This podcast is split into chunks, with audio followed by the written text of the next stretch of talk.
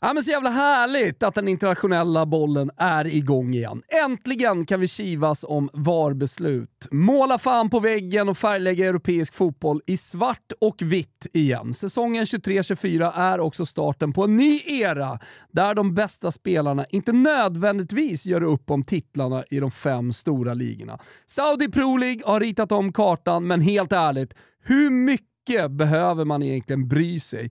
Hur mycket kvalitetstapp är det bara för att en 31-årig O'Neill drar till Al Hilal, Henderson väljer pengarna framför moralen, eller om en slut Ronaldo gör tre mål per match i en liga långt bort? Ingen såklart! 100 spelare, 200 spelare, 10 000 spelare. Det spelar noll roll.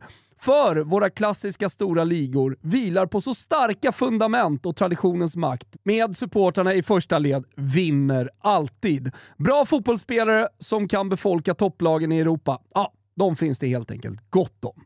Det blev man inte minst varse om i helgen, då alltså, som sagt, Liga La Liga och Premier League drog igång. I baguetternas förlorade land var det största att Marseille, som jag för övrigt tycker ska vinna titeln den här säsongen, vann och PSG bara fick 0-0 hemma mot Lorient. Men hallå, det är ju bara en premiäromgång. Jo tack, jag vet det. Men känn på anfallstrion då Gugge. Asensio, Ramos, Lee.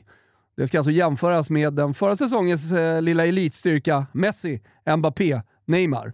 Nu ska Neymar som sagt lämna för högst troligt Saudi, men Mbappé är enligt L'Equipe på morgonen in igen. Efter, enligt uppgift, bra möten ska han återigen integreras i truppen, så får vi helt enkelt se hur det blir framåt. Nåväl, i Spanien såg Xavi rött och eh, Barca kopierade PSG 0-0 mot Getafe. Dock utan denna gång att jag drar några växlar på det. Det ska nog ordna upp sig vad det lider. Min stora favorit till både CL och La Liga, ja allt de ställer upp i, Real Madrid alltså, de åkte till Baskien och gjorde det precis alla hade förväntat sig.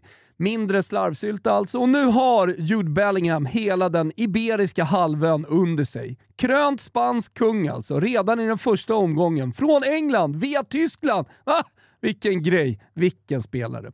Noteras annars från Spanien görs att eh, Karl Starfelt har eh, joinat Williot Svedberg i Atlantpärlan Vigo. Och på tal om svensken, in med 10 minuter kvar hemma mot Osasuna. Kanske var det ett tecken på bra arbete under försäsongen.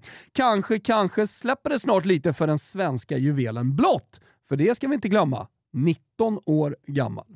I England då? Ah, men vilken jävla premiär hörni. Haaland öppnade allt genom att på fredagen trasa sönder Burnley på en dryg halvtimme. Sen var vi igång. Arsenal såg planenligt mycket bra ut och mosade Forest. Sedan vann Crystal Palace borta mot Sheffield United. Fulham slog fortsatt usla Everton. Bompan och West Ham delade broderligt på poängen och Brentford spelade effektivt mot Spurs med Kulusevski på planen hela matchen. Och med en briljant James Madison som kommer visa sig bli väldigt nyttig för Spurs.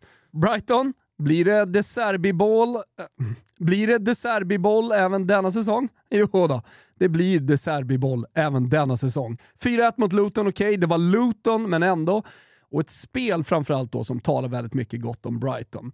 Avslutningsvis, ja, Chelsea och Liverpool delade på poängen på söndagskvällen, men vem bryr sig när den stora europeiska toppfotbollshändelsen denna första premiärhelg smällde i Newcastle? Äh, men jag gungar bara med, jag är förförd av Alexander Isak, en doppietta som fullständigt skriker 20 plus mål i ligan. Och av sången, av sången hörni. Äh, men vad är det för lag Newcastle har? Vad är det för älskvärt litet gäng fotbollsspelare? Det bara gungar i pannan pannloben när sången ekar. Är du med Gugge? Är ni med där ute eller? Sandro Tonali, he eats spaghetti, he drinks Moretti, he hates fucking Sunderland. Kom igen Gugge! Sandro Tonali Sandro Tonali, he eats spaghetti, he drinks Moretti, he hates fucking Sunderland.